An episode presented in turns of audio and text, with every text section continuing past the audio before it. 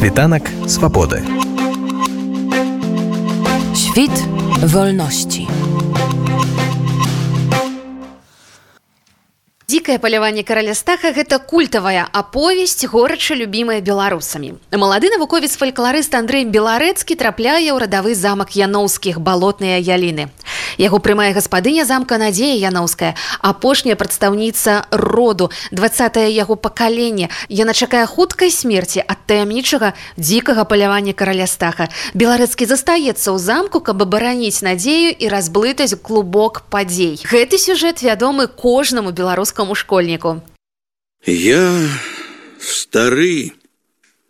Я нават вельмі стары чалавек і ніякая кніга не дасць вам таго што на ўласныя вочы бачыў я андрей беларэцкі чалавек девяносто шасці год.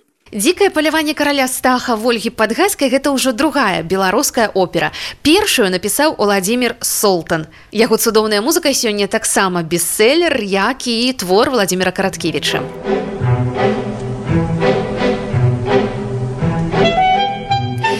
упершыню палескі хорар паказалі ў вялікім тэатры ў 1989 годзе. Аўтару музыкі на момант прэм'еры было ўсяго 36 але гэта не перашкодзіла грандыёзнаму поспеху. Галоўныя партыі оперы тады выконвалі зоркі вялікага. Гэта Наталля кастэнка і Віктор скарабагатаў спектакль стаў сапраўднай сенсацыяй у тэатральным жыцці краіны унікальнай для беларусі з'явай стала і выкананне оперы ў натуральных дэкарацыях траецкага прадмесця ў менску у У 2021 годзе опера атрымала новае сцэнічнае ўвасабленне з дадаткам музычнага матэрыялу з асабістага архіву кампазітара. У вялікім тэатры стварылі новыя дэкарацыі, касцюмы, сцэнічныя эфекты, выкарысталі лічбавую графіку і ўсё гэта зрабілі ў эстэтыцы гістарычных фільмаў жахаў. Прэм'ера адбылася ў ліпені 2021 і таксама мела вялікі поспех, вялікі розгалас.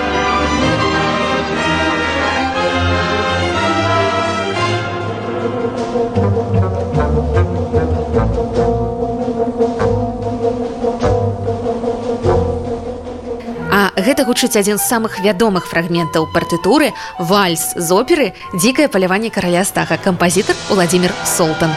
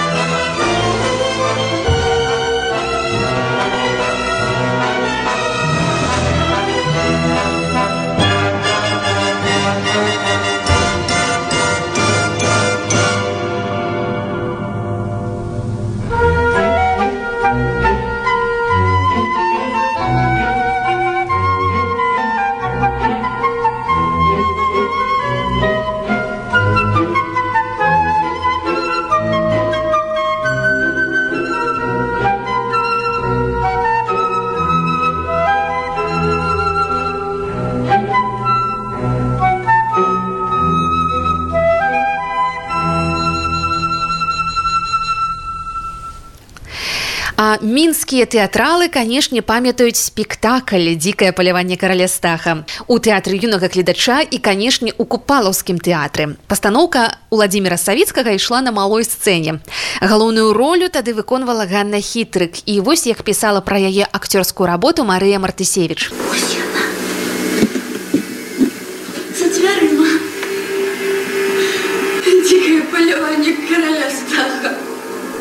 Гэта фактычна тэатр адной актрысы. Надзея жыхарка балотных ялінаў таксама памяшаная і сапраўды дзяўчынка, якая перажыла столькі жаху не можа быць нармальнай. Істарычная торганасць размовы з лялькай, лунатычны адсутны выгляд і той жа час выхавання годнасць шляхцянкі ўсё гэта арганічна спалучае сваёй ігрой хітрык.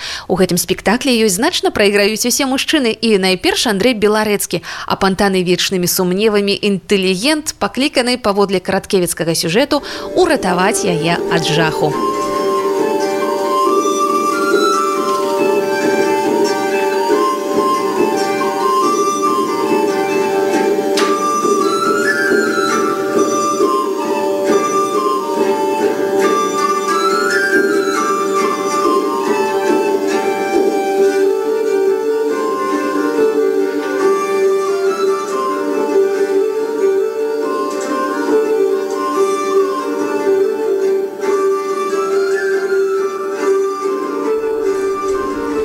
Вялікі поспех і кінаінтэрпрэтацыя гістарычнага дэтэктыва. Фільм рэжысёра Валерыя Рубінчыка выйшаў на экраны ў 1979 годзе.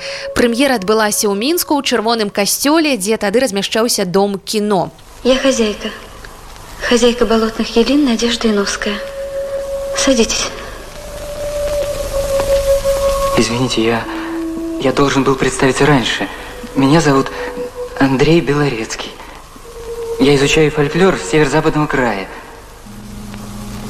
У, у меня есть свидетельство Академии, письмо губернатора. Скажите, Вильна и Минск большие города? Стужку кінастудыі Беларусьфільм паглядзелі ў кінатэатрах больш як 11 мільёнаў гледачоў, а саму карціну адзначылі на некалькіх міжнародных фестывалях, аднак самому Владзіміру Караткевічу экранізацыя не спадабалася. Ён палічыў, што рэжысёр не перадаў галоўную думку яго сюжэту.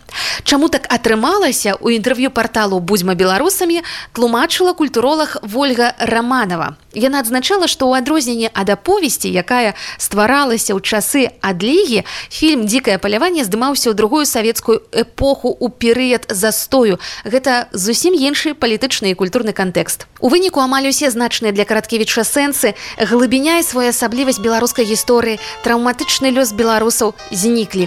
Многоуважаемый пан опекун Гринь Дубатов и пан Олесь Ворона. День добрый, панове!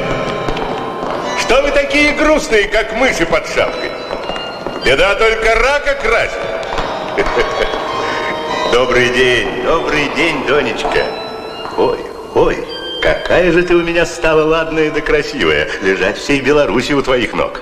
Дарэчы, музыку да стужкі напісаў Яўген Глеба ў класік беларускай кампазітарскай школы. Цікава, што мелодыю, якую ён прыдумаў для дзікага палявання, потым аўтар скарыстае ў балеце маленькі прынц і гэта пранікнёная тэма стане ці не самай вядомай ва ўсёй творчасці кампазітара.